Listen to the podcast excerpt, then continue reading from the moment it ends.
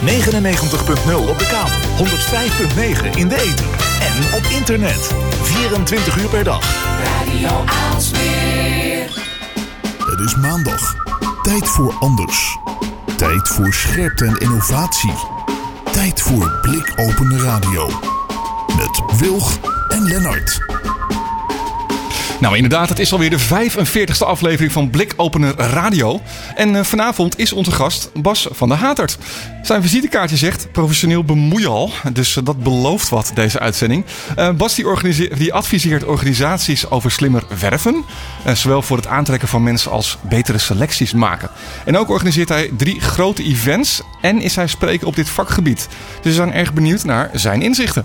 Ja, en in deze eerste uitzending van 2020 hebben we natuurlijk ook onze columnist Jilles Groendijk. Die bezocht met zijn zoon een hackercongres. Uh, daar vierde hij zijn kerst. we zijn eigenlijk heel benieuwd wat hij daar uh, meemaakt in nou, Duitsland. Nou, ik ben reuze benieuwd. Natuurlijk ook weer zoals je van ons gewend bent, uh, de Week van Wilg. Hè, onze blikopeners. Wat is er afgelopen week, of weken moet ik eigenlijk zeggen. We zijn weer terug van twee weken vakantie. Precies. Eigenlijk. En wat is ons opgevallen, dat hoor je in de Week van Wilg. En als afsluiter onze columnist Dimitri Vleugel, dim uitroepteken op Twitter van androidworld.nl. En hij werkt aan een paper waarin hij al zijn onderzoek van de afgelopen jaren bundelde. Nou, dat klinkt uh, heel ja. wetenschappelijk eigenlijk. Ja, en hij gaat er alvast wat over vertellen. Dus wat wat tipjes van de sluier oplichten. Dus ik ben heel benieuwd waar die mee komt. Breaking news. Ja, nou precies. Uh, ik zou zeggen, dus genoeg reden om te blijven luisteren naar deze aflevering van Blikopener Radio. En ben je nog niet geabonneerd op onze podcast? Nou, zoek dan gewoon op Blikopener Radio in iTunes of Spotify. Of ga naar blikopener.radio. You'll always be my number one. A whole lot more than good enough. Giving everything I've got to gain every second lost. Six years just ain't enough. You, I'm happy being me. Don't pretend, cause I don't need to. I'm a thousand miles from home, never on my own. When you whisper down the phone. Well, I guess we never saw this coming. Halfway around the world calling. But I just want you to know is that I'd have all I need. You were standing right in front of me.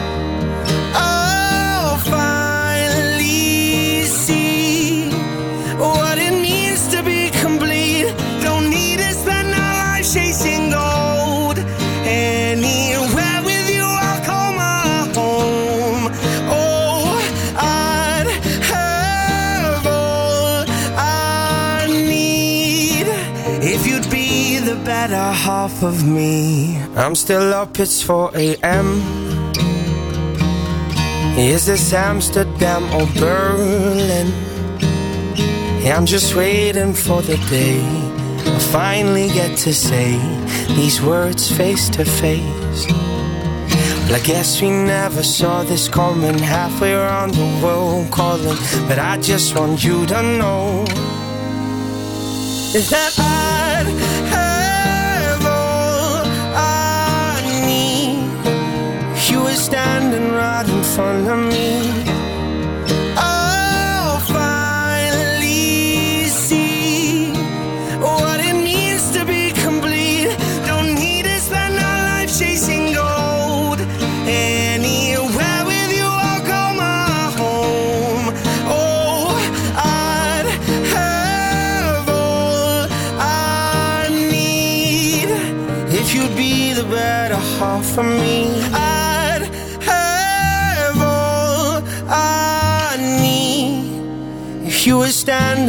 in front of me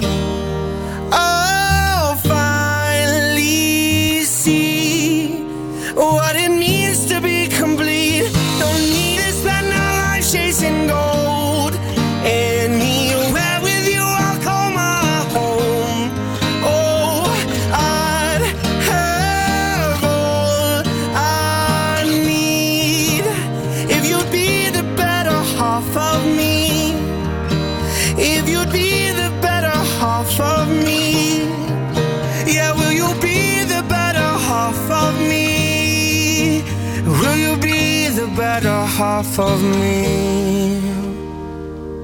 Tom Walker, The Better Half of Me. Als eh, eerste plaat in deze aflevering Blikopener Radio. De eerste van 2020. Oh ja, de eerste in onze nieuwe decade. Nou, eh, 2020 of 2020? Nee, 2020. Ik las een artikel eh, bij, in eh, vooral eh, in mijn favoriete eh blogwebsite, uh, Wait But Why. Die uitlegde waarom, eh, Ja? waarom nu eigenlijk eh, de toekomst begint. En dat is vooral eh, dat we vanaf de twintige jaren vaak pas dat gaan zeggen. En dat is in 1800 en tuurlijk. 1900 Ja. ook zo geweest. Eh, daar begon het ook pas in de twintig jaren dat je dan eh, eh, 1920 zegt of 2020. Ja, want het is, het is heel raar om te zeggen eh, 2010. Dat voelt niet zo lekker. Nee, nee, dat klopt. Dus dat is eh, Wait But Why. Zoek het even op. Oké, nou. De toekomst begint nu. Nou, de toekomst begint dit jaar ook met eh, een, eh, een leuke gast vandaag in de studio. Bas van der Hater. Bas, goedenavond. Goedenavond. En eh, welkom. Ehm, ja, de, de eerste vraag hij is een beetje standaard. Wie ben je en wat doe je voor de Dirty Money? Eh, ik ben Bas van der Hatert. Mijn visitekaartje zegt professioneel bemoeial. Dat eh, betekent zoiets als een consultant die zich niet altijd aan de opdracht houdt. Ehm, ik, het gros van mijn inkomsten eh, verdien ik door congressen te organiseren over recruitment tegenwoordig. Dat, eh, ehm, ja, vind ik, dat is ooit per ongeluk zo begonnen en dat is redelijk succesvol gegaan. En dat eh, breidt zich met name komend jaar ook weer wat verder uit. En eh, daarnaast eh, eh, geef ik lezingen eh, eh, nationaal en internationaal. En daar krijg ik eh, voor betaald. En eh, eh, adviseer ik af en toe wat organisaties, op dit moment met name een ministerie, over werving, over recruitment. Dus je werkt zelfstandig. Ik ben volledig zelfstandig. Volledig zelfstandig zelfs. Ja. En, en ehm, van professioneel bemoeial kan ik me nog voorstellen dat je vroeger al zoiets had van nou, dat wil ik wel worden. Maar eh, HR-specialist of, of recruitment-specialist, dat is misschien wat minder voor de hand liggend. Nee, dat klopt. Dat is volkomen per ongeluk. Ik heb eh, marketing gestudeerd ooit. Ehm, en marketing was. eh, eh, ik was een van de eerste eh, Nederlanders op LinkedIn eh, destijds. Een beetje in hetzelfde netwerk eh, als eh, eh, eh, Willig eh, eh, liep ik rond. Dus we waren de, de, tot de eerste. En ik zat toen. Per ongeluk ook wederom was ik, eh, werkte ik voor een beloningsadviesbureau. Ehm Belo beloningsadviesbureau. Beloningsadvies. Dus eh, wij eh, brachten in kaart wat met name IT'ers in Nederland verdienden. En dan gaven we advies aan bedrijven die zeiden: We kunnen niemand vinden, want we betalen te slecht. Hoeveel zouden we moeten betalen? En eh, meestal bleek dat helemaal betaling niet zo het probleem te zijn. En toen was ik al iemand die destijds wel iets iets zei van... ja, heb je dan ooit van LinkedIn gehoord? Nou, daar had nog niet iemand van gehoord. Ik was dus ook ooit eh, eh, de eerste Nederlandse trainer recruitment via LinkedIn. Eh, inmiddels 14, 15, 16 jaar geleden, denk ik. Ik, ik, ik kwam toevallig laatst mijn eh, eerste trainingspresentatie nog tegen. Daar stond: LinkedIn heeft 150.000 Nederlandse leden. En nee, dat zijn niet alleen maar IT'ers. dat was zeg maar de opening. Dat, dat, dat moest je toen, toen moest je mensen nog uitleggen: wat is LinkedIn? En daar moet je lid van worden. Ehm en dat, uh, uh, zo ben ik daar ooit, uh, ooit ingekomen. Meerdere keren geprobeerd echt heel hard weg te rennen om eruit te gaan. Omdat ik het beu was. En op de een of andere manier echt zo'n zo'n godfather. Every time it pulls me back in. en, achteraf heb ik er blijkbaar toch ook wat aan toe te voegen. En, en kan ik daar leuke dingen doen. Ja, dus je hebt geprobeerd dan weer terug te gaan naar marketing, maar het blijft toch daar in die, in die uh, arbeidsmarkt uh, hangen. Ja. Nou, ik heb, ik heb ook ooit inderdaad terug geprobeerd te gaan naar marketing. Alleen dan merk je dat daar zoveel ontwikkelingen zijn dat als je daar, uh, dat ik me daar echt weer helemaal terug in moest gaan graven. Dat, dat geef ik eerlijk toe. Ik ben nu niet meer de marketeer, niet meer met mijn tijd meegegaan. Um, ik heb op een gegeven moment ook wat boeken over wat ze toen het nieuwe werken noemde geschreven. En dus over, over meer organisatieontwikkeling. Uh, daar heb ik ook een hele tijd wel het nodige in gedaan. Dat vind ik ook heel erg interessant. Alleen uh, organisatieontwikkeling gaat nog trager dan recruitment. en daar werd ik echt helemaal gillend gek van. Van het feit dat ja, uh, je kon er goed verdienen. Maar je kon er niks bereiken, want veranderingen met cultuurveranderingen, dat, dat, ja, dat schoot, is bijna onmogelijk. Schiet gewoon niet op. Hm, is weinig resultaat eigenlijk. Weinig resultaat. Weinig. En ik, ik wil toch wel zien dat ik iets heb bijgedragen. En niet alleen dat ik een opdrachtgever heb die tevreden is voor wat betaalt, ik heb ja. gedaan. Maar dat ik ook nog het idee heb dat er iets is veranderd. Hm. Ja. En als, als je helemaal teruggaat naar vroeger. Ik bedoel, uh, hey, ik zou professioneel bemoeien al worden. Nou ja, dat, dat, dat kun je niet zo voorstellen. Maar wat wilde je vroeger worden als kind? Eh, ik was dol op dieren en op eh, natuur. Dus eh, alles van boswachter tot houthakker heb ik nog ooit eens een keertje iets van gezien. Tot dierenverzorger, tot noem het allemaal maar op. Ik, ik was gek op natuur en dieren. Hm.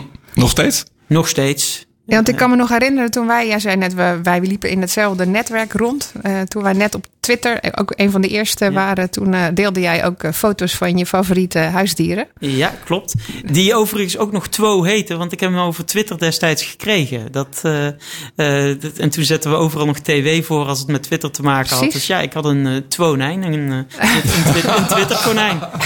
Twitter En, konijn. het, en het interessante is, ik weet niet of je eh, Roos van Vught nog kent. Uiteraard, ja. Nou, Roos had zijn broertje namelijk. En zo deelden wij dus foto's mm, van elkaar, van de broertjes. Zij had namelijk het, het, het broertje uit het nest eh, gehaald.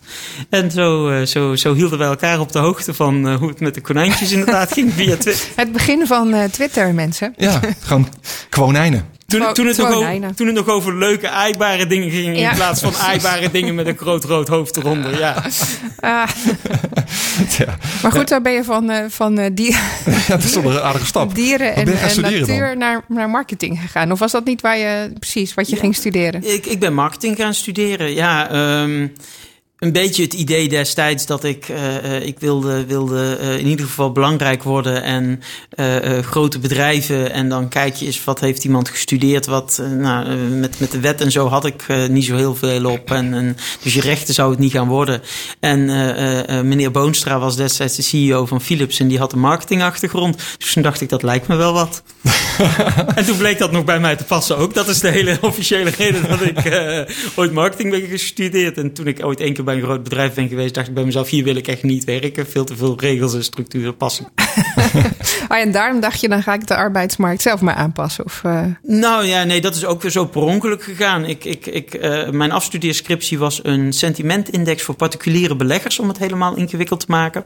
Sentimentindex voor particulier. Oké, ja. Ja, dus wij brachten nog ver voordat het woord social media bestond, probeerden wij via wat je zou kunnen zeggen, avant-garde eh, of social avant-garde letteren, probeerden wij in kaart te brengen wat mensen dachten te gaan kopen en verkopen op de beurs en kijken of dat voorspellende waarde had. En dat leek het op zich wel te hebben, alleen we konden er geen businessmodel achter verzinnen. Of tenminste, we hadden een businessmodel, alleen dat, daar waren de banken het niet zo mee eens.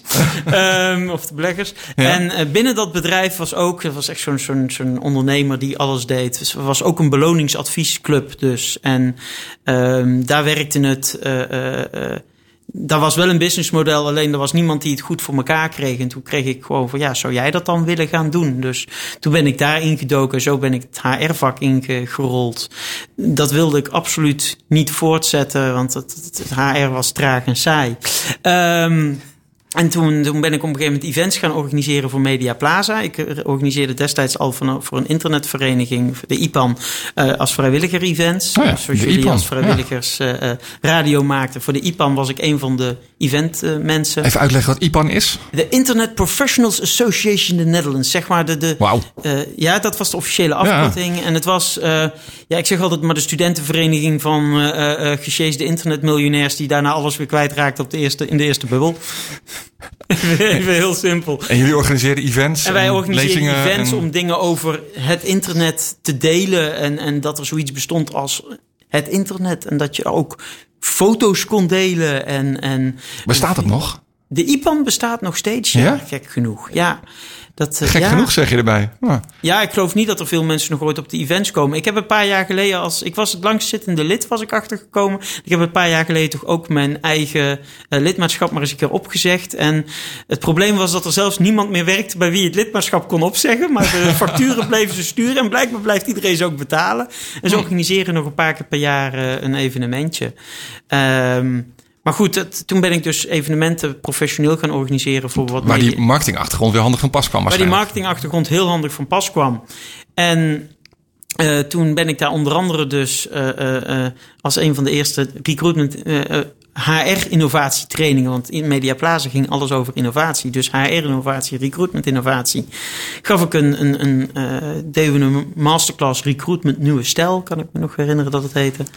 En daar gaf ik als eerste een recruitment via LinkedIn training. En die wilden wij ook in company wegzetten, maar daar vroeg eh, het bedrijf te veel geld voor. Toen werd ik ontslagen en het eerste wat een aantal van de mensen die vonden, die destijds een offerte hadden opgevraagd, die stuurden me gewoon letterlijk mailtjes. Oh, dus dan ben je nu wel betaalbaar. en zo ben ik voor mezelf begonnen. En toen was ik nog aan het solliciteren. Ik denk bij mezelf, ja, voor mezelf wil ik echt niet werken. Toen kwam ik toevallig bij Ilse Media, ook zo'n zo'n online naam uit het verleden terecht. In een sollicitatiegesprek. En toen zei de, de, de manager van Ilse, eh, de zoekmachine, nog echt van ja. Ehm, ik zie jou niet voor mij eh, eh, in dienst komen, want je hebt veel te weinig business-to-consumer ervaring. En daar had hij eigenlijk ook wel gewoon gelijk in. Zeg maar, ik heb één project en ik zie hier dat je ook freelance deed. Ik had ooit één uurtje freelance werk gedaan, had ik op mijn cv gezet. Hij zegt, zou je dat freelance willen doen? Dat ik bij mezelf denk, ja, waarom ook niet? En nou ja, dat, dat, dus tijdens mijn, mijn eh, eh, ontslagvergoeding had ik nog. En toen had ik al een freelance klus. En dat heeft een buffertje opgeleverd. En toen dacht ik, ja, wil ik eigenlijk nog wel gaan solliciteren? Nou, kan ik altijd nog proberen. En zo ben ik ooit voor mezelf begonnen en nooit meer teruggekeken. Het klinkt dus een beetje, een beetje, je rolt er al wel in zo ongeveer. Het gaat, gaat soort van... Zijn, zijn er carrières waar dat niet het geval is? Ja, jij bent een Dat specialist. vind ik wel een goede vraag eigenlijk. Ik, Je mag Eh, zelf de vraag beantwoorden. Ehm, zelden. Laat ik zo zeggen, ik geloof dat 80% van de mensen zit in ieder geval niet in de functie waarvoor ze gestudeerd hebben. Ja? 80 procent. 80%. Eh, Wauw. Of waar ze oorspronkelijk voor gestudeerd hebben, laat ik het zo stellen. Ja? Ik geloof dat ook rond de 80, 90 procent is in ieder geval geen lineaire carrière. Dus van junior, medior, senior-achtige zaken, dat, dat, dat komt bijna niet meer voor. Ehm, en eh, eh, als je aan de meeste mensen. eh, eh, de grap is. Maar, en dit is dan geen onderzoek, maar dit is even persoonlijke observatie. Ik denk dat de meeste mensen die een lineaire carrière volgen, ook de meeste mensen zijn die met een burn-out thuis zitten. Ik Ja, heb zie je daar een verband in? ja, ik denk dat de meeste mensen die denken dat ze iets moeten omdat ze dus daar ooit voor gekozen hebben en op die manier doorgaan en ook het idee hebben dat dat is wat ze zijn, eh, die, die zitten heel sterk dat ze hun identiteit aan een beroep vasthangen. Dat beroep verandert. We zien alle beroepen veranderen. Ja, moet wel. dan, pa- past het op een gegeven moment niet meer bij ze. Ja. Maar dan hebben ze heel veel moeite met zichzelf heruit te vinden. Want zij zijn fysiotherapeut, zij zijn bedrijfsarts of arts, zij zijn jurist. Zij, dat, en dat, eh, daar zie je wel een hele duidelijke. eh, eh, mensen die, hoe sterker jouw identiteit aan jouw baan vasthoudt, hangt, hoe groter de kans op burn-out is. En mensen die ehm, heel sterk hun identiteit aan hun baan vasthangen, zijn ook veel eerder geneigd om een lineaire carrière te vinden, in plaats van af en toe eens een keer te reflecteren met, word ik nog wel gelukkig van wat ik doe? ja. Dus ja, dat, dat, dat is even een persoonlijke observatie. Nee, dat, eh, dat is wat je daar Goeie ook nog sterk- blikopener. ja, en wat je daar sterk, ook nog heel sterk in ziet in mijn optiek, is dat die mensen dan ook nog in een bepaalde branche heel erg gebonden zijn.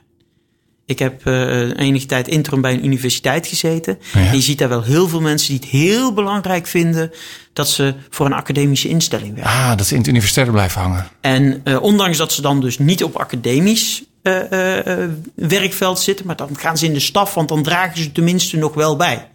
Ja, dus als je de keuze wetenschappelijk hebt gemaakt, wil je dan natuurlijk per se misschien daar aan bijdragen. Ja, maar dat is voor het wetenschappelijk personeel. Dat, dat, dat, dat zit er deels in. En die hebben ook vaak een heel verwrongen beeld van de commerciële markt, maar dat is even terzijde. Maar, Ja. maar ook de mensen die dus eh, in de staf van de wetenschap zijn terechtgekomen, voelen zichzelf in heel veel gevallen wel heel erg verbonden aan het feit dat ze in de staf van de wetenschap zitten. Terwijl ze daar niet altijd even gelukkig van worden. Maar ze ontlenen daar ook status aan dan. Eh, voor zichzelf wel, ja. Ja. Ze vinden het ook heel vreemd dat andere mensen die status niet zien. Ja. Eh, geld, geldt getrouwd voor wel de meeste beroepen overigens, denk ik. ik kan net zeggen, dat heb ik ook ooit geleerd. Dat, je, dat er sommige mensen gedreven zijn door eh, dingen als status eh, o- of geld. En andere mensen meer gedreven door eh, dingen bewijzen. Of, eh, je hebt natuurlijk, er zijn natuurlijk mensen heel verschillend in. Kan ik me zo voorstellen. Klopt. Hey, jij zei net, ik ben eh, eh, ooit erin gerold. En toen moest dat iets met innovatie en HR worden. Want dat ging nou eenmaal over innovatie. Eh, dat is nu eigenlijk je, je, je hoofdmoot geworden. Eh, hoe zit dat met innovatie in, in, in werving? Is dat, is dat heel erg anders? Want ik zie nog steeds dezelfde eh, teksten voorbij komen van bedrijven. Eh, je ziet overal de hard skills. eh, nou, hoe noem je dat in het Nederlands? Goede secundaire arbeidsvoorwaarden. Precies. Eh, maar, maar ik kan me voorstellen dat jij zegt van ja, ik zie al andere dingen. Oh, ik zie zeker veel andere dingen. Ik ben het helemaal met je eens dat het, de grote massa is niet aan het eh, eh, veranderen nog. Dat gebeurt wel, maar in de periferie of sterker nog steeds meer ook in. Het komt wel steeds eh, bij steeds grotere en ook bedrijven waarvan je het bijna niet zou verwachten, zie je wel echt hele, hele gave innovaties. Uh, om je een idee te geven, ik ben op dit moment bij een van de ministeries bezig met de implementatie van een game-based assessment. Waarbij dus elke sollicitant uh, ze moeten ook nog steeds een cv opsturen, want dat eist het systeem dat we net hebben aanbesteed. Dus dat zitten we voor komende ja. jaar nog wel aan vast. Maar, ja. ja. Um, um, maar elke sollicitant gaat daar een game-based assessment krijgen. Die dus op basis van spellen die jij speelt, een, zowel een cognitief als een persoonlijkheidsprofiel gaat bouwen. Van elke functie en dat hebben ze al heel lang geleden vastgesteld. Daarom is, zijn, zijn, is het Rijk is eigenlijk een hele vooruitstrevende werkgever geweest. Die hebben jaren geleden gezegd van elke functie zeggen we precies in wat voor karaktereigenschappen we willen. Wat voor uh, gedragsindicatoren aan die karaktereigenschappen. Nou, dat is echt, echt wel het summum. Alleen ze hebben er nog nooit. Uh, ze hebben er alleen in theorie altijd iets aan toegepast. En nu hebben we dus technologie die precies kunnen meten hoe jij op bepaalde karaktereigenschappen scoort. En dan kunnen we dus gewoon een matching profiel gaan maken. En wat je dus bijvoorbeeld ziet, is dat voor heel veel functies eisen ze in, bij de overheid uh, uh, politieke en organisatiesensitiviteit. Hè, dat, en de hoofdreden waarom ze dat nu selecteren is, je hebt eerder bij een overheid gewerkt. Hm. Vervolgens. ja. Nee, dat, is, dat is geen succes natuurlijk. Nee, nee de, de, waarom, waarom werk je daar, ja. ben je daar weggegaan? Maar ja. dat, dat, ja, dat vraagt niemand zich af. Maar de andere punt is, ze zeggen allemaal, we willen externe kennis naar binnen brengen. Want het, het, het is bijna elk ministerie waar ik kom, en ik kom best een paar over de vloer, die zeggen ja, um, we missen zoveel. We, we, we, missen zoveel van de buitenwereld. We willen externe kennis naar binnen brengen. En dan hebben ze dus ook een hele proces. En dan wijzen ze ook alle, want officieel staat alles eerst open voor interne sollicitanten. En dan wijzen ze die allemaal af, zodat ze maar vooral, dan zeggen ze allemaal ongeschikt. En dan gaat het proces naar buiten en dan komen er allerlei externe dingen. En wie nemen ze dan aan? Uiteindelijk iemand met overheidservaring. Want uh, anders is het risico te groot dat hij misschien wel de politieke sensitiviteit niet begrijpt. Hm. Nou, dat kan je gewoon testen. Ja, ja met, die, met, die, met, met een game. Met, met een game of zelfs met linguïstiek. Maar en wat vind jij daar nou van? Want dat, dat kan natuurlijk heel ver gaan. Je kan natuurlijk mensen in, in hele vaste hokjes gaan zetten daardoor. Um, dat doen we toch al en dat noemen we nu het cv. Je hebt geen overheidservaring, dus je bent niet politiek sensitief. Um, je bent een vrouw, dus je bent niet technisch. Je, uh, um, met exact hetzelfde cv um, wordt een moslim 9% van de gevallen uitgenodigd en een uh, blanke naam uh, 24%. Ja. Met exact hetzelfde cv.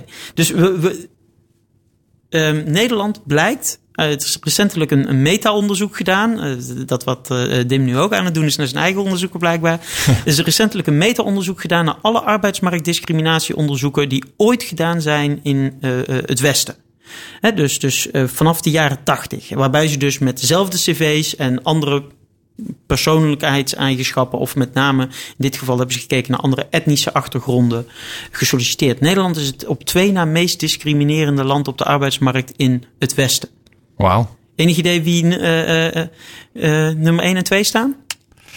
In het westen was het. In het westen. Ja. Alle, alle westerse landen hebben ze bekeken. Geen idee. België, UK, Frankrijk. Frankrijk staat Frankrijk op 1. Eerste, ja, ik wou zeggen Frankrijk had het eerste zijn. Ja. Frankrijk staat op 1. ja. En Zweden staat op 2. Oh, dat is onverwacht. Dat zeggen heel veel mensen. Maar als je gaat bedenken, net als Zweden is net als in Nederland. Ja, wij zijn allemaal helemaal geweldig. Wij doen niet aan discriminatie. We mogen hier niet dingen. En als, als we worden aangesproken op discriminatie, dan uh, is dat niet zo. Met, ja. al, met als gevolg dat het dus niet bespreekbaar is. Ja. Um, wij zijn anderhalf keer zo discriminerend op de arbeidsmarkt als Amerika. Ja, dus het is heel erg on, uh, onbewust vooroordeel bij ons. En omdat het onbewust is, zijn wij zeer. En omdat we onszelf niet. niet mogen ja. aanspreken op dat onbewuste. Mensen ja. worden heel boos als je ze aanspreekt op hun onbewuste vooroordelen. En ik doe dat heel veel. Dus geloof me echt. Ik, ik, veel boze mensen. Ja. nou, ik heb, ik heb, nou men, ik, heb, ik heb mensen uh, weg, uh, weggelopen uit, uh, uit mijn sessies op het moment dat ik de voorzichtige dingen doe. Van ja, wij voeden onze kinderen ook op dat een zwarte man de knecht is van de blanke man. Dus ja, waarom denk je dat wij vervolgens ons hele leven onbewust ja. in onze gedachten ja, lopen dat, dat, dat die minder is? Dat is gewoon onbewust vanaf het eerste moment ingeprint. Nou, dan worden mensen boos, want je mag daar in Nederland niks over zeggen. En Zwarte Piet is niet discriminerend. Nee, maar het heeft wel als gevolg dat we ons onbewust zo inprinten. En dat zie je dus in heel veel landen. Het enige land wat het overigens beter doet dan Amerika, dat is echt heel bizar. Er is één land dat het beter doet dan Amerika, dat is Duitsland. En waarom is het in Duitsland, tenminste dat is de hypothese, waarom is het in Duitsland zo? Omdat iedereen daar ook eh, gewend is om zijn volledige cijferlijst mee te sturen. En dan heb je ineens net iets andere data. Dus, dus dan. eh, Het heeft alles met nudging te maken. En daarom ben ik dus zo enthousiast over deze technologie. Ja, over dit spel eigenlijk. Over, Ja. nou, er, er zijn heel veel verschillende spellen. Eh, er zijn heel veel leveranciers ook. Maar al, al dit soort technologieën geven in ieder geval betere data over wie je echt bent en wat je echt kan. Ja. Ten opzichte van het cv wat nul voorspellende waarde heeft. Laat ik dat even Ja. heel duidelijk. Er is nog nooit één onderzoek geweest dat ook maar een correlatie heeft kunnen vinden tussen cv's en succes. Ja, en dat ligt natuurlijk ook aan hoe je die cv leest. Hè. Ik heb wel eens mensen die tegen mij zeggen... je hebt een gat in je cv. Ik zeg, ik ben altijd ondernemer geweest. Waar zie jij precies het gat? Ja. Ik, ik heb ooit met een recruiter gezeten die letterlijk zei: Ja, als je een teamspeler gevraagd wordt en je speelt tennis, dan moet je dat er niet opzetten. Want tennissers zijn individueel. Maar als je dan voetballer bent, moet je dat er wel opzetten. Want voetbal is een teamsport. Oh ja, precies. Ja. ik bij mezelf denk: Nou, Ja.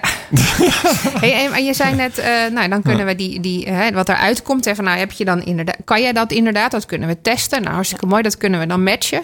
Ehm, is dat ook andersom? Ik kan me voorstellen dat je juist ook wil matchen of diegene dan past binnen die organisatie. Eh, en bij, met die mensen waar ze moeten mee samenwerken. Dat is natuurlijk ook een van de dingen die, eh, voor als, je, als jij nou zegt van ja, ik wilde die transformatie ooit een keer. Nou ja, ehm, dat kan wel. Het grote probleem is hiring for cultural fit. Het hiring for cultural fit is de reden waarom we eh, eh, eh, allemaal blanke mensen aan de top hebben zitten. En in de wetenschap allemaal mannen aan de top hebben zitten. Soortgenoot, Maar ja, juist soortgelijke met zo'n- mensen Zo, aannemen. soortgelijk. Dus Maar zelfs met zo'n met zo'n spel zou je dat dus kunnen veranderen. Nou, ja, ik bedoel dat- dan niet de, de fit van pas het eh, cultural in de kop, Ja? maar juist ehm, kan, kan diegene goed samenwerken op basis van die dingen die je getest hebt. Dus dan zou je Ja. eigenlijk die mensen in dat bedrijf ook moeten testen. Dat klopt. Nou ja, en dan, dan kom je op. Om het- dan aan te kunnen vullen. Dat klopt. Nou ja, je kan in ieder geval kijken naar Ja, cultural niet, alleen, ad. niet, alleen is, niet alleen sollicitant, maar Nou ook ja, van de ik mensen vraag die er al dat zitten. juist omdat wij onszelf getest hebben om juist andere mensen te kunnen aannemen. Ja. En dus ook wat voor soort mensen. Want ik ben niet zo goed in lijstjes en mensen begeleiden. Dus ik moet mensen hebben die zelf kunnen beginnen. En dat moet ik dus ook kunnen vragen aan die mensen. Want anders kan ik ze niet helpen. Nou, dat klopt. Eh, dat, dat kan zeker. En het, is, ehm, het, het beste werkt dit inderdaad als je ook intern test. Ja. En dan met name aan de ene kant moet je intern. Een van de grote problemen waar we hier tegenaan lopen is dat we over bij bijna geen enkel eh, beroep weten we wat, wat het nu eigenlijk nodig voor is om daar goed in te zijn. Het, het, het enige beroep waar dat goed is onderzocht is callcentermedewerker. Ja. ja. En, en, en daar hebben ze dus de, de, de, de, de, het ongewenste verloop van meer dan 100% naar minder dan 20% teruggebracht op het moment dat goede testen worden ingezet. Om, om je een idee te geven. Callcentermedewerker. En we zijn inmiddels ook redelijk goed in het testen van eh, winkelverkopers. eh, en eh, mensen die bij bijvoorbeeld de Albert Heijn achter de kaas en, en het vlees staan. Ehm, veel verkoopfuncties zijn we ook inmiddels redelijk ver in. Ik heb testen gezien waar je bijvoorbeeld de cross-selling van mensen die achter de balie in een hotel zitten met eh 40, 50 procent kan verhogen. Door, door ook weer aan te nemen op bepaalde karaktereigenschappen. Maar dan moet je dus mensen gaan testen en, en dan ga je uiteindelijk wel weer bepaalde dingen klonen. Dus, dus dan ga je je beste medewerkers klonen. Op het moment dat je gaat kijken naar wat jij zegt, aanvullende kwaliteit in het team. Dat is ontzettend interessant. Het probleem is, daar is nog heel weinig onderzoek naar gedaan. Ik ken één heel goed onderzoek dat dus gedaan is naar kun je samenwerken. De grap is, dat is de, de basis daarvan is datingsite informatie geweest. Daar hebben ze gekeken wie zijn uiteindelijk ook daadwerkelijk bij elkaar gebleven. ja. En ehm, daaruit bleek, even de korte samenvatting is... het gaat er niet zozeer om dat je de eigenschappen overeenkomen... maar dat je een even grote tolerantie hebt voor de verschillen in eigenschappen... Om, eh, eh, dus dat het elastiek alle kanten op even ver staat, zeg maar. En dat die tolerantie klopt binnen het hele team. En het probleem daarvan was alleen dat het een dermate uitgebreide test is die je aan de ene kant je hele team moest geven, maar vooral daarna de, de sollicitanten, dat het eigenlijk praktisch niet toepasbaar was om het te doen. Dus dat bedrijven dus ook iets anders gaan doen. Die heeft recent een hele mooie pivot gemaakt. Interessant. Ja, ik vind, ik vind dit leuk. Vooral omdat innovatie dit soort vragen juist altijd weer terugkomen. ja. Maar het eh, eh, inhuren, om daarop terug te komen op cultural ad en ook vooral karakter, absoluut. De vraag of ze dan ook nog kunnen samenwerken, dat is de vraag die we niet kunnen beantwoorden. En het grote probleem van diversiteit zonder inclusiviteit is dat het een negatief iets is. Het diversiteit zonder inclusiviteit, dus als je niet naar de andere meningen ook luistert, als je wel een dominante mening hebt, Ja. eh, dan zie je dus dat er vooral heel veel meer overlegd moet worden, zonder dat het ook meer oplevert. Terwijl diversiteit met inclusiviteit, dus dat we ook naar alle andere gezichtspunten en meningen, ja, dan zie je een veel groter innovatiepotentieel. Het grote probleem zit vaak in die inclusiviteit. Ja, ja. Luisteren we ook naar degene die eh, een ander geslacht of een andere huidskleur heeft of een andere achtergrond heeft. Ja, en volgens mij kunnen wij hier nog eh, eh, uren over doorpraten. Z- sowieso vind ik dat interessant om daar apart nog een keer over door te praten. Ehm, eh, als afsluiter heb jij natuurlijk ook ingevuld eh, wie bijvoorbeeld, eh, wat bijvoorbeeld je beste idee is. Maar wat ik een interessant vond is de vraag: wie zijn je helden? Want daar had jij wel een leuk antwoord op. Ehm, Of moet ik ze even herhalen? ja, Weet nee, je, je, mag, je mag die dingen. Ik ben alleen benieuwd welke voor de twee, want ik heb er twee genoemd uit mijn hoofd. Ja, de laatste. Nelson Mandela. Ja. Nou, de reden dat ik eh, dingen. Ik heb dus ook al deze nieuwe assessment technologie heb ik zelf getest. Nou, Ja. een van de zaken eh, in een, een van die tests, die, die testen je inhibitie. Dus je eh, kwaliteit om je kalmte te bewaren. Heb je een kort lontje. Nou, ik scoorde daar een 11 op de schaal van 100 van. Dat is wel heel erg laag. Ik ben daar heel slecht in. en wat ik zo uniek vind aan iemand als Mandela is dat hij altijd zijn kalmte heeft weten te bewaren. Ook met de mensen die hem het grootste onrecht aan heeft gedaan. Omdat ik weet dat is mijn aller, aller, allergrootste zwakte. Ja, ja. Eh, ik kan mensen dingen heel erg kwalijk nemen. Heb ik daar dus zo'n ontzettend respect voor. Terwijl ik weet dat het gewoon genetisch bepaald is, overigens. Maar ja kan ik- je dat niet veranderen? je kan het wel veranderen, maar eh, ik zou van een 11 naar een 20 kunnen met heel veel mediteren. Maar eh, eh, de overduidelijk 95 waar meneer Mandela op zat, zal ik nooit van mijn leven Nee. kunnen redden. En dat, Ja. ik, ik heb heel veel respect voor mensen die dingen kunnen waar ik echt heel ver vandaan sta. En daarom vind ik dat zo'n, zo'n eh, zijn kalmte, het feit dat hij de, zijn, zijn bewaarders altijd nog met respect heeft behandeld, nooit iets heeft kwalijk genomen. Ja, mijn korte lontje zou, zou die mensen echt op zijn gezicht hebben geslagen. Als mensen meer over jou willen weten of eh, je willen volgen op bijvoorbeeld social media, hoe kunnen ze dat doen? Ehm, ik ben gewoon goed te vinden op LinkedIn. Er is maar één Bas van de Hatert. Of Haat met een D, ja. Met een D. Er zijn er trouwens twee, maar dat komt omdat ik dus al lid was van LinkedIn voordat je je e-mailadres kon veranderen. Ik ben die andere ook, alleen ik kan er niet meer bij.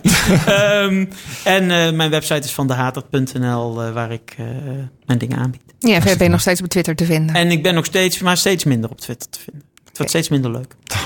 Bas, dankjewel. Blikopener Radio. En zo gaan we door met eh, onze eerste columnist van vanavond. Aan de telefoon hangt Jilles. Jilles, goedenavond. Goedenavond. Goedenavond. Ehm nou, jij bent daar iets heel spannends geweest met kerst. Je hebt een wat ongebruikelijke kerst gehad, zou ik bijna zeggen. Ja, klopt. Maar ik wil eerst nog even op Bas reageren. Dat mag. Oké. Eh, want eh, ja, het, eh, zijn verhaal is zeg maar geschreven op het bedrijf waar ik werk. En ik merk juist dat die diversiteit en die inclusiviteit gewoon heel erg helpt ook in de ja, manier waarop we dingen aanpassen. Dus we hebben recentelijk een prijs gewonnen, het Roze Slot, voor het meeste ehm, vrouwen, eh, in ieder geval in, eh, in onze IT-club. dus met eh 24% eh, vrouwen eh, ja, in de cybersecurity. Dus eh, ja, be- je bevestigt eigenlijk het verhaal van Bas. ja, ja, ja, absoluut. En doordat je niet alleen met eh, eh, ja, eh, geslachten en met eh, allerlei invalshoeken te maken krijgt, maar ook met verschillende culturen, kijk je ook op een andere manier naar, eh, naar technologie. Dat, dat eh, voegt echt toe. Mooi. Perspectief en luisteren. Ik vind het, ik vind het een goeie. Ja. maar nu willen we jouw perspectief horen op de kerst, eh, Jilles. Ja, dat eh, gaat ook over diversiteit. Ik ben. Hier komt ie. Ik ben met Jurre naar ze- eh, 36C3 geweest. Iets waar hij gelukkig van wordt en zijn broer zou dit absoluut niet zien zitten. Die doe ik hier geen plezier mee. 36C3 staat voor de 36e editie van de Chaos Computer Congres, georganiseerd door de Chaos Computer Club. Dit jaarlijks terugkerende evenement begon in 1984 in Hamburg, verhuisde in 1998 naar Berlijn, kwam vervolgens in eh, 2012 weer terug naar Hamburg en moest in 2017 naar Leipzig, in de Leipziger Messe, omdat er nu bijna 20.000 bezoekers naar dit event komen. Vijf dagen lang, tussen kerst en nieuwjaar, uh, informatie delen uh, met bezoekers uit de hele uh, uit de hele wereld. Over hacken, privacy, technologie, kunst, politiek, ethiek, milieu. Er zijn continu meerdere lezingen en workshops bezig. Je moet echt kiezen waar je naartoe wilt. Daarnaast zijn er veel hackerspaces vertegenwoordigd waar je ook van alles kunt doen. Even een vijftal uh, kenmerkende zaken bij CCC. Elk jaar is er een thema en dit jaar was het Resource Exhaustion. Vertaald uitgeputte bronnen. Iets dat zowel op hekken kan slaan, bijvoorbeeld een DDoS-attack, maar ook op de aarde en het uitputten van dienstbronnen. De tweede is een 7 meter hoge Ferry Dust raket in de hal die door belichting een magische gloed over zich heen krijgt. Als je hem nog nooit eerder hebt gezien, zoek even op Twitter naar 36C3 en uh, talloze Ferry raketten zullen opduiken. Uh, er is een rule, de 6-2-1 rule. Je hebt 6 uur slaap nodig, twee maaltijden per dag en je moet in ieder geval één keer douchen om het allemaal een beetje draaglijk te houden daar. Daarnaast zijn er de non-binary toiletten. Net als, net als op Comic Con omarmt CCC de progressieve denkwijze. Je ziet daardoor meer mensen die openlijk uitkomen voor hun geaardheid. De LGBTI-community is er ruim vertegenwoordigd en niemand kijkt een ander uh, raar aan. We zijn er met elkaar om ontzettend gave dingen te doen. Zo zijn Europe uh, en ik bijvoorbeeld een paar jaar geleden naar een polyamory uh, meetup geweest de zaken die noodzakelijk zijn om zo'n relatie in stand te houden, als het uiten van ieders wensen en behoeften, zouden ook erg goed zijn in een hetero-relatie bijvoorbeeld. Tot slot, het begint pas om 11 uur en gaat uh, tot diep door in de nacht. Er zijn publieke lezingen, maar ook besloten meetups waarin zaken gedeeld worden die nog niet voor het grote publiek uh, uh, bedoeld zijn. Wij zijn dit jaar met de Flixbus geweest. We wilden dit eens een keer proberen. De eerste uh, kerstdag vertrokken we om 10 uur uh, s'avonds. En om 3 uur de volgende dag kwamen we aan bij het hotel. Het eerste deel van de rit was goed te doen. Ruime bus, stroomaansluiting, USB, toilet aan boord.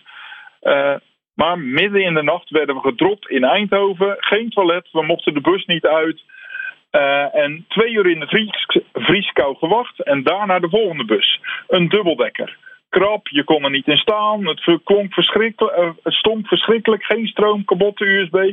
Wifi bleek ook een wassen neus. De reis van 12 uur was verschrikkelijk. Ik kwam compleet verrot aan. Dit doe ik nooit meer. Op de terugweg zijn we met de auto gegaan. Dit duurde 10 uur korter. Los van de trip was het event geweldig. Als eerste zijn we naar de hardwarehackinghoek gerend. De ervaring van eerdere jaren leerde uh, ons dat je daar snel bij moest zijn, omdat er maar beperkt plaats was en er maar beperkt kits te koop zijn. We hebben er een workshop SMD solderen gedaan, wat staat voor Service Mount uh, Devices. Het gaat hier om componenten die vele malen kleiner zijn dan een suikerkorrel. Het resultaat was een klein printplaatje met een plaatje van een kat. Als je die aaide, lichtte de roze oog op. Streek je tegen de haren in, ging de kat sissen en kreeg je rode ogen. We hebben een workshop gedaan met FPGA's. Field Programmable Gate Arrays. Een manier om IC's te ontwikkelen. De hardware die je hiervoor nodig had, werd, werd er zelfs gratis weggegeven. Ik heb een geigerteller gekocht en gebouwd. En gezien de politieke ontwikkelingen na CCC is dit ineens relevant geworden. En we hebben er een Blinken rocket gekocht. Een klein raketje als de Ferry Dust raket uh, met 8 keer 8 ledjes waarmee je met behulp van een website allerlei animaties kunt, uh, ontwerpen en door middel van modem en faxpiepjes het raketje programmeert. We hebben mooie talks gehoord over de surveillance van Julian Assange in Londen uh, in het uh, Ecuadoriaanse ambassade. Hoe je vanaf een afstand via iMatch, iMessage een complete iPhone kan compromisen en daar software kan uitvoeren. Als je je iPhone nog niet hebt geüpdate, doe het nu, want je bent echt aan de beurt. Eh, de Volt 7 Protego doc- eh, documents over de beveiliging van een raketwerper die aan eh, bevriende eh, rebellen werd ge- eh, gegeven. En al eh, wireless communication stacks are equally broken over hoe je toegang kunt krijgen tot allerlei verschillende communicatieprotocollen. We hebben CTF's gespeeld tijdens het event, Capture the Flag, een puzzeltocht op bewust eh, kwetsbaar gemaakte systemen, waar je de fout moet zien te vinden en je, die je zo toegang geeft eh, tot het systeem. Degene, eh, de CTF van het eh, event was erg complex. We zijn er een paar uur mee bezig geweest, maar uiteindelijk zijn we verder gegaan met de CTF van de zaak. Die was ook complex, maar een stuk leuker om te doen. Jurre is samen met Sawadi, een maatje van FristiLeaks, bezig geweest met Crack Me Challenges. Ze gebruiken er Hydra voor. Een tool die door de Amerikaanse geheime dienst eh, is vrijgegeven. Waarschijnlijk omdat zij alweer een paar stappen verder zijn. Maar het meest waardevolle van dit event eh, zijn de interessante en briljant slimme mensen die we hebben ontmoet. Zo hebben we Live Overflow de hand geschud. Deze YouTube-held maakt filmpjes waarin hij voor iedereen duidelijk uit kan leggen hoe je op complexe wijze de beveiliging kunt omzeilen. Maar daarnaast ook zat andere mensen die we daar pas hebben leren kennen eh, en die zo verschrikkelijk veel kennis hebben en willen delen. Het was een moment om bij te laden. Voorafgaand aan dit event ben ik een collega verloren en het waren erg pittige tijden. Dit mooie event hadden we echt even nodig. Op de zaak liggen de mooie projecten alweer op me te wachten. En Jelle, eh, Jelle en Jurre zijn zich klaar aan het maken voor de eindsprint naar de universiteit. Een halfjaartje VWO en dan zit het er ook op. De mooie tijden komen er weer aan. Dat was hem. Wat fijn, eh Jilles. Ik hoorde wel heel veel over pakketjes, maar dan niet degene die je per se onder de kerstboom eh, eh, legt. Heb je überhaupt met een kerstgevoel rondgelopen? Of, eh? Wel met een brede grijns volgens mij, Ja, dat, als ik het zo wel, hoor. ja. Ja, eh, ik moet zeggen dat eh, ik, ik had een kerstboom staan. En er is een eh, ontzettend gave kerstboomslinger. Die, die, eh, die span je in je boom. En dan gebruik je een app op je telefoon om dat ding interactief te laten knipperen.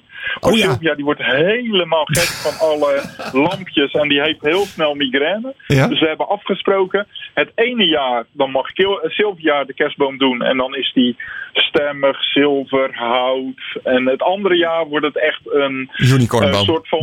ja, met, met herrie en met eh, felle lichten. En, eh, dus eh, ja, zo lossen we elkaar een beetje af. Wat mooi. En Jilles, dankjewel. Ja. Als mensen jou willen volgen, misschien nog even in je Twitter-tijdlijn willen zien wat je allemaal meegemaakt hebt. Hoe kunnen ze dat doen? Jilles underscore kom. Hartstikke mooi. Jilles, dankjewel hè. Graag gedaan. En zo gaan we alweer door met het volgende onderdeel. En dat is de Week van Wilg. Wilg, wat viel je op afgelopen Ja, week- we weken? hebben de kerst gehad en eh, Nou. de afsluiting van het jaar natuurlijk. Eh, en vandaag. Vandaag had ik een hele technologieloze dag. Want ik eh, had per ongeluk besloten om mijn tas te vergeten. Dus eh, ja, hoe red je jezelf zonder eh, laptop eh, op het werk? Eh, met alleen je telefoon. Ook wel een uitdaging. Ehm, maar goed, ik dacht, eh, na alle nieuwe voornemens is het misschien handig. Ik zag de rijtjes al voorbij komen met eh, allerlei apps. Hoe hou je dat dan vol? Eh, ik weet niet of jullie toevallig meedoen aan een van de, van de trending voornemens, zoals bijvoorbeeld Dry January. Nee, Nee? Ik drink sowieso nooit zoveel, dus dat is voor mij... geen uitdaging. Nee. nou ja, ik drink helemaal niet, dus dat was Je voor mij ook begonnen. geen uitnodiging. Je bent Gewoon dro droge zoete wijn of zo. Of wat? Die- Nee. Ja, die dry January is dat je, dat je een maand niet drinkt. En dan, daar begint iedereen mee in januari. En daar zie ik nu ook heel veel van langskomen. Hoe hou je dat dan vol? Ik denk, nou ja, is iedereen dan eh, alcoholist? Of is het zo ingewikkeld? Ve- wel. Ik kan je vertellen, een goede vriendin van mij doet er mee, met wie ik ook veel Ja? wielren. Ja. En dus eh, ik verwacht volgende week de eerste appjes. Wanneer gaan we weer fietsen? Wanneer gaan we weer fietsen? Want mijn vriend wordt gek van me. Ik heb veel te veel energie. Ik heb veel te veel energie, want ik drink niet meer. Dat is, dat is nu al twee jaar achter elkaar het, eh, het, het fenomeen. Ja. Nou goed, om, eh, om je te helpen eh, stoppen, of het vol te houden in ieder geval, zijn, er, zijn, er ook, zijn er ook wat apps voor al je goede voornemens. Om bijvoorbeeld die, die Dry January, dus dat maand geen alcohol drinken, vol te kunnen houden, is in ieder geval de app I Am Sober. Ehm, die eh, brengt je in contact met mensen die dat ook doen. Houdt, je, houdt bij hoeveel dagen je dat eh, volhoudt. Nou, heb je die maand al gehaald. Maar ook bijvoorbeeld hoeveel tijd je eh, bespaard hebt. Hoeveel geld en tijd, geld dus ook, en Ja. tijd je bespaard hebt door die biertjes niet te kopen. Of de, de andere dure drank. Dus misschien werkt dat ook wel met... Sigaretten bijvoorbeeld, kan ook. Eh, in de app beloof je aan jezelf elke dag opnieuw eh, nuchter te blijven. En aan het eind eh, vul je in hoe dat dan ging. En dat moet je dan helpen inzichten te krijgen van hoe kan ik mezelf nou eens niet laten verleiden. En dat deel je met iemand anders dan. Nou, dat, daar kan je dus voor kiezen. Dat hoeft niet per se. Eh, een andere app is coach.me. Eh nou ja, de voornemens eh, is, eigenlijk voor iedereen wat anders. Hè. De ene wil meer bewegen, de andere wil meer lezen. De, hè, dus ik, weet dat Bas bijvoorbeeld elk jaar eh, eh, een leesweek doet. Nou, hoe, eh, hoe kun je nou geholpen worden met die voornemens? Nou, je zegt, eh, je, je, je stelt zelf een doel in. Eh, voor bijvoorbeeld een dag. En dan als dat doel gelukt is, kun je op een afvinkknop drukken. Waardoor je dus eigenlijk allemaal vinkjes krijgt. Wat je zou moeten helpen met eh, dat doel te bereiken. Eh, in de app kan je gesprekken voeren met andere mensen die een soort gelijk doel hebben. Nou, hoe ze die matches maken, heb ik geen idee. Eh, maar bijvoorbeeld wordt in een groep van mensen die meer water willen drinken besproken hoeveel liter dan nou goed is en hoe je dat dan precies moet doen. De app is gratis, maar het verdienmodel zit er erin dat je dus ook kan betalen om nou ja, privécoaches eh, aan je uh, aan je chats te kunnen toevoegen die je dan helpen met uh, support uh, en aanmoediging. Uh, en een app is bijvoorbeeld Sleep Cycle. Um, die als je bijvoorbeeld een iPhone hebt ook weer aan je, aan je health app gekoppeld zit. Hoe goed slaap je? Welke slaapfases? hij analyseert ook geluid. Dus aan de hand daarvan kan die slaapfases ja, analyseren. Ja. Um, en de app kan je ook helpen om in slaap te vallen. Hm. Dus nou goed, dat zou weer voor je gezondheid beter zijn. Uh, oh ja, het leuke is dat, dat, uh, dat die app je ook, uh, als je toevallig ook Philips Hue lampen hebt, dat je hem dan ook weer kan koppelen, zodat hij bijvoorbeeld als wake-up light die Philips oh, Hue lampen grappig. kan instellen. Een hele huis ja. een zonsopgang. Nou, dan, weet hij, dan weet die app ook precies wat nou het beste moment is om jou dan weer te wekken. um, nou, wat ik, wat ik zelf een heel leuk bericht vond, was uh, van een uitvinder uit Drachten. Die, uh, zijn uitvinder uh, Dominicus Hettinga is inmiddels 61. Die oh. vond ooit in 2006 um, een brievenbusslot uit. Uh, en hij was ook uh, finalist van het televisieprogramma Het Beste Idee van Nederland. Ik weet niet of je dat nog kent. Uh, nou, die won die niet. Maar er, er, kwamen wel 300 prototypes, waar die er nu nog uh, een paar honderd van had liggen thuis. En hij had zoiets van, ja, uh, mensen vinden het zo gevaarlijk worden, dat vuurwerk. Weet je wat? Hoe kom ik ooit van die brievenbossleutel af? Uh, hij had groot aangekondigd via social media en een aantal dagbladen... dat mensen bij hem thuis gratis dat brievenbosslot mochten komen afhalen. Dus ja. had hij nog een gezellige uh, week voor uh, oud en nieuw. En uh, hij hielp anderen met nou ja, de angst en de paniek rondom steeds gevaarlijker vuurwerk... dat ook wel eens in brievenbussen gegooid wordt. Ah, nou, wat nobel. Ja, wat vond mooi. ik ook wel. Heel mooi. en ja, dan vond ik wel een heel mooi bericht van de, de, de, de mooiste... Um, uitvindingen eigenlijk uh, op het gebied van, uh, van klimaat uh, of hoe we de, de wereld verbeteren. En dat, daar zoek ik eigenlijk altijd naar. Ja. en wat waren nou de mooiste eigenlijk van het afgelopen jaar? Zodat we weer met een goed gevoel het nieuwe jaar in kunnen. Mm -hmm. En het leuke is, dat is een, een, een artikel van de Good News Network. en op nummer, nummer 10 staat eigenlijk onze eigen, en ik noem dat onze eigen vanwege onze eigen Hermaniac, Lightyear, Lightyear One auto. Oh! Uh, en dat is natuurlijk een Nederlandse ja. uitvinding. En, uh, en die is bijzonder omdat hij op zonnecellen ja, het is, rijdt ook het onder andere. Het is zichzelf helemaal een, een hele mooie elektrische auto. Een soort Tesla die volledig bedekt is met zonnepanelen. Zodat hij zichzelf ook kan opladen. en dat, dat zien zij ook als nou ja, de mooiste uitvinding. Nou, er staan er tien. Um, in dit artikel. Maar er zijn een aantal mooie, waaronder bijvoorbeeld... Uh, nou, er was al een keer een enzym ontdekt om plastic te eten... maar nu is er ook een recyclebedrijf in Frankrijk... dat zegt wij kunnen hierdoor dus alle soorten plastic... op een makkelijke manier recyclen. Allemaal op dezelfde manier. En daar dus ook van, daardoor ook dus van elke soort plastic... elke soort nieuwe plastic te maken. Dus van polyester oh, huh? uh, wow. in één keer uh, kunnen we ook weer petflessen maken. Hm. Wat dus eigenlijk Wat de wereld van plastic op Precies. zijn kop zou zetten, als ja, dat waar is. Als dat waar zou zijn, ja, Ja. precies. Ja. Uh, nou, dat vond ik een hele mooie. Eh, zo zie je eh, berichten over waterbatterijen voorbij komen. Hele manier van, nieuwe manieren van opslag die misschien alle batterijproblemen met, met vervelende grondstoffen kan veranderen. Um, nou ja, het is de moeite waard. de, zelf, de ik, degene die ik het leukst vond is die van een man in Cameroen. Uh, die vond dat er te veel plastic flessen overal op straat lagen en dat het een zootje werd. Die ging ze verzamelen en vervolgens bouwde die daar kano's van. Uh, waarmee mensen weer uh, op zee konden vissen. Voor, visser, voor vissers in Cameroen. Wauw. Ja. nou, ja, precies dat. Oh, wauw. Een plastic, plastic sloep. Ja, ja. ja zoiets, ja. Maar goed, uh, voor meer uh, goed nieuws over, uh, over klimaat en de, hoe wij de wereld veranderen op het Good News Network is het goodnewsnetwork.org. Mooi. Blikopener Radio. En zo schakelen we door naar onze columnist Dimitri Vleugel. Dim, goedenavond.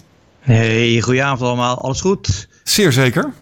Ah, zeer zeker. Nou, hartstikke. Nou, mag ik nog zeggen, de beste wensen? Vergeet het maar snel weer. Maar dat heb ik in ieder geval aan mijn uh, burgerplicht voldaan. Jullie het allerbeste te wensen voor dit jaar. ik vind het beste wensen mag altijd. Ik vind dat er hoeft geen datumlimiet uh, aan te zitten.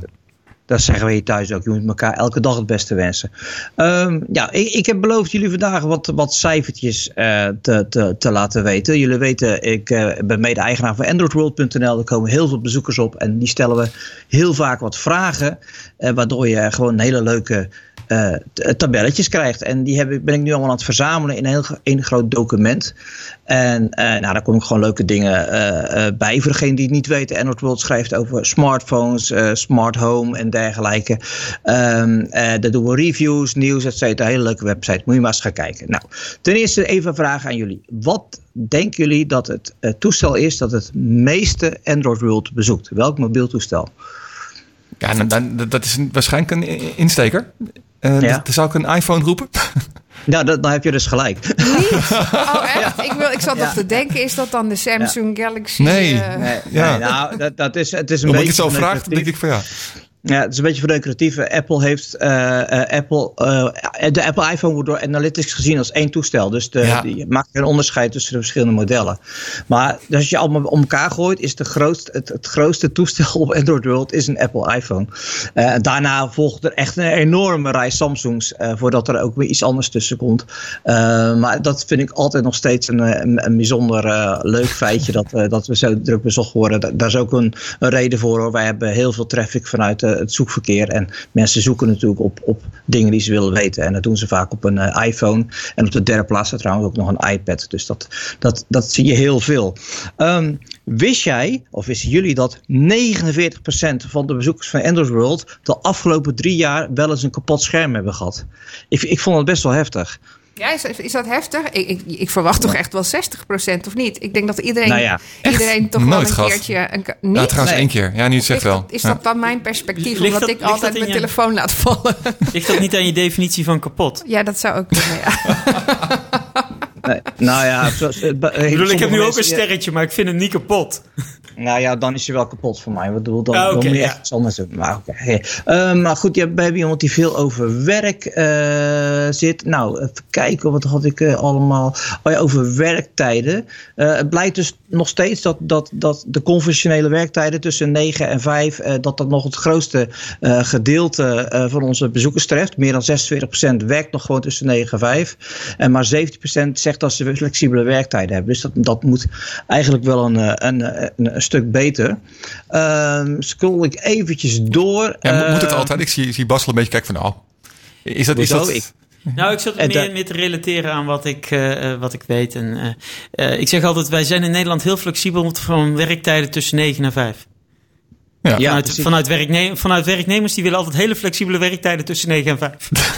nou ja, ik, ik heb net zoals Bas ooit wel eens geprobeerd voor een hele grote corporate te werken. En toen moest ik altijd om, eh, om half negen beginnen. En dat is echt de hel op aarde als je dan eh, met de auto de weg op moet. Dus dat mag voor mij heel rap veranderen. Of Zeker. met openbaar vervoer gaan natuurlijk. Nou ja, ehm, gemiddeld bezoeken meer dan 70% eh, onze website met mobiel. Desktop is bijna uitgestorven als het om onze website gaat. Nog maar uh, 23% bekijkt onze website vanaf een desktop. Dat, dat zijn redelijke dramatische cijfers. 39% gebruikt een adblocker. Nou, daar worden deze commerciële jongen helemaal ongelukkig van natuurlijk.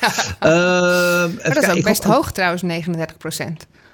Ja, ja, ja. even kijken hoor. Op een mobiel dan dus ook? Ja, ja, ja. 39% Ik wist dan niet dat dat kon. Dat is misschien een beetje ja, naïef, maar... Ja. Het wordt nog erger. Uh, 23% zegt soms. Dus bij elkaar bijna 60% gebruikt een adblocker. En uh, ja, dat, dat, ja, dat is voor, een, nogmaals, deze commerciële jongen is dat niet, uh, niet super tof. Mag, mag ik daar een vraag over stellen? Ja, tuurlijk, ja. Zeggen ze dat of meet je dat? Nee, dat, dat, dat hebben ze gezegd. Ik heb het meeste cijfers zijn zeggen. Uh, we gaan ook nog wel wat, wat, wat mee te doen, maar dan, ben ik altijd wel iets voorzichtiger mee.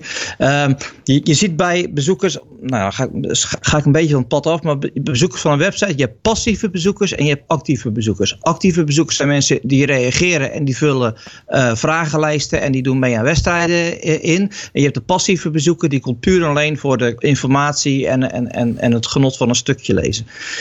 Daardoor zijn altijd cijfers, zijn altijd iets vertekent. Omdat je natuurlijk altijd uh, een antwoord krijgt van de actieve gedeelte van een website en niet van het passieve gedeelte van een website. Daarvoor moet, ben je afhankelijk van analytics en dergelijke.